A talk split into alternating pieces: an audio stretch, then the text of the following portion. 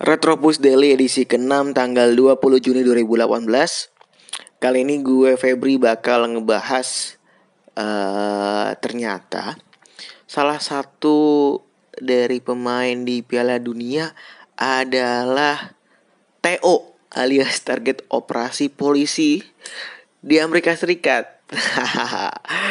Lo mungkin semua gak tahu tapi lo pasti tahu pemainnya buat lo yang semua nggak tahu ternyata uh, ternyata dan Naya Rafael Marquez mantan main Barcelona ya kan? Uh, kapten Meksiko juga umurnya 39 udah tua banget ya udah paling senior kayak di timnas Meksiko. Itu lagi tersangkut uh, kasus. Kasusnya ini adalah kasus money, money laundry alias pencucian uang kartel narkoba dari Meksiko. Jadi ada uh, drug trafficking gitu dari Meksiko ke Amerika dan si rekeningnya si Marquez ini jadi money laundry.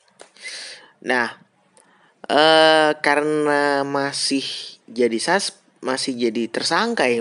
Kalau yang gue baca sih tadi udah jadi uh, lagi diurus legalnya dan dia sudah ter jadi ter tersangka sih jadi banyak sponsor, jadi banyak sponsor Piala Dunia yang berasal dari Amerika Serikat itu nggak mau ada dia dalam tiap uh, tiap display.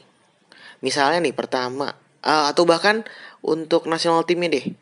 Misalnya nih si Marquez itu harus minum dari harus minum dari uh, merek minum yang berbeda karena timnas Meksiko beras uh, minum dari air minum yang mereknya dari Amrik. Terus yang kedua uh, jurnalis nggak boleh wawancara Rafael Marquez kalau ada logo sponsor di situ. Yang ketiga Marquez nggak bisa pergi ke mana-mana menggunakan US Airlines atau maskapai yang base-nya di Amrik gila nggak lo kan terus yang keempat lo dia nggak bisa dapat man of the match karena dia it, karena man of the match itu sponsornya adalah Budweiser yang dari Amrik. Uh, unik ya unik banget. Dan mungkin nggak banyak dari lo semua yang tahu.